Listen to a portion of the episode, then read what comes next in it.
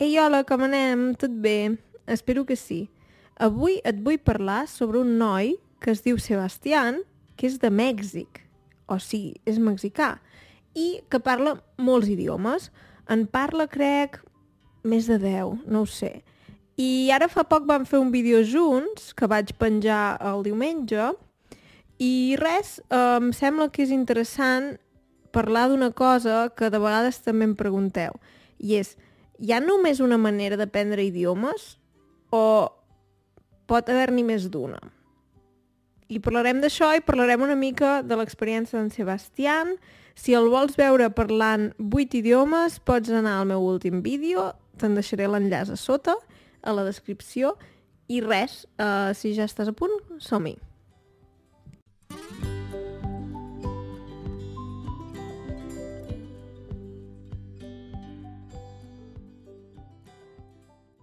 Doncs sempre quan faig converses així um, amb altres persones que aprenen idiomes, em sembla sempre molt interessant contrastar una mica com ho fa cadascú.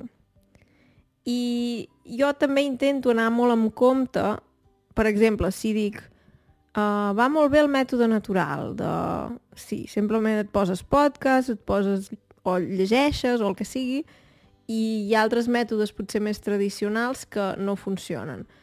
Jo sempre intento, si me'n recordo, perquè som tots humans i de vegades no me'n recordo, uh, sempre intento dir, a mi això em funciona millor.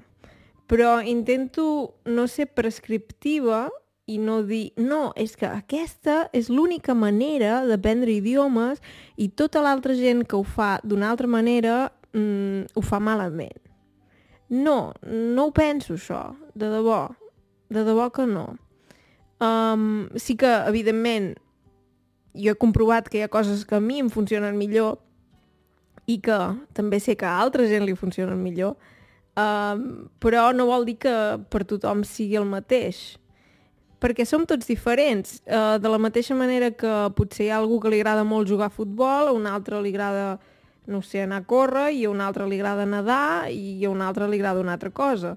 I si algú em diu, mira, el millor esport del món és el futbol i és la millor manera d'estar en forma, mm, pensaria, home, potser per tu, però per mi no.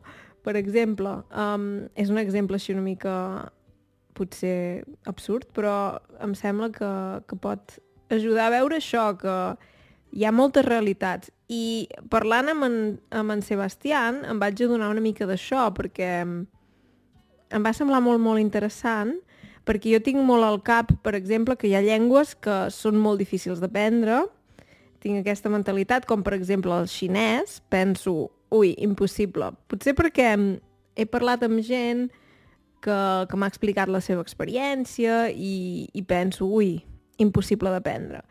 I parlant amb en Sebastián, ell em deia que comparant el rus i el xinès, um, el, el rus tenia molta dificultat amb el tema de la gramàtica i amb el tema de la pronunciació. Això em va semblar interessant, perquè jo no, no crec que el rus sigui molt difícil de pronunciar, o sigui, uh, tenim, potser perquè hi ha sons que s'assemblen al català, no? com el j, uh, i que, per exemple, no hi són en castellà. I si el castellà és la teva llengua materna, potser això et pot costar més, no ho sé. Però jo, per exemple, quan algú em diu ah, el rus és molt difícil, el, el cirílic, no? Et parlen de, de, de l'escriptura, de com s'escriu en rus, amb cirílic.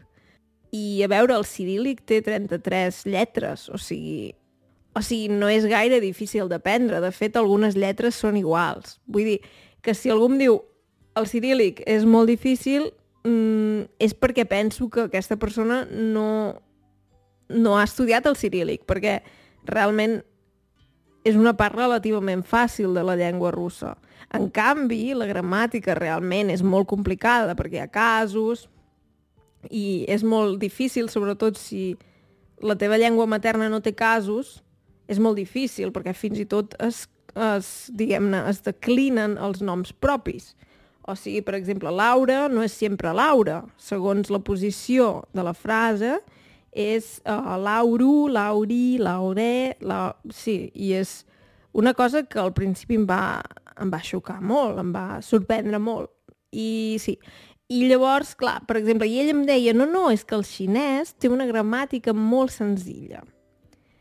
Clar, però té tot el tema de la tonalitat i de la pronunciació, que en rus, si, diguem-ne, fas una entonació una mica estranya, t'entenen igual, però en xinès potser estàs dient una cosa completament diferent. I em va semblar molt interessant perquè també, a més, va explicar que ell aprenia xinès i rus al mateix temps, o sigui, mm, una cosa que a mi em sembla increïble, molt, molt interessant i, i penso, uh, déu nhi A mi ja em va costar aprendre rus només centrant-me en aquesta llengua, imagina't, aprendre rus i al mateix temps aprendre xinès. I res, vam parlar d'això, l'entrevista és en diferents idiomes, i una de les primeres llengües és el català. Vull dir que si voleu anar a veure la part en català pot ser interessant, crec, i res, també em doneu suport si aneu a veure els vídeos, si em deixeu un m'agrada, un comentari, tot això, i si voleu accedir a les transcripcions del podcast, que fins ara n'hi ha 50, podeu fer-ho a través de Patreon. I res, espero que us agradi molt aquest episodi i ja m'aneu dient què us semblen els episodis, quins temes us agradaria que fes. Ja hi ha unes quantes persones que m'han escrit, m'han escrit Hola Laura, com anem? Mira, sempre demanes que et diguem de què podries parlar i a mi m'agradaria que parlessis de... I ja em diuen de què volen que parli. Uh, no sempre és possible, de vegades potser ja us aneu adonat, jo els temes que faig els faig espontàniament i de vegades tampoc tinc temps uh, per preparar-m'ho gaire, vull dir que sempre m'estimo més fer temes així una mica espontanis, uh, pels quals no hi he de dedicar gaire temps, més que res perquè, clar, jo tinc una feina i a part tinc el canal de YouTube i tinc això, tinc el, el podcast. Vull dir que he de gestionar el meu temps de manera bastant eficient i per això tampoc puc dedicar-hi gaire estona uh, sinó que intento fer episodis així espontanis. Espero que us agradi aquest episodi i espero que us agradi també el vídeo que hem fet amb en Sebastián i res, fins ben aviat, que vagi bé. Adeu!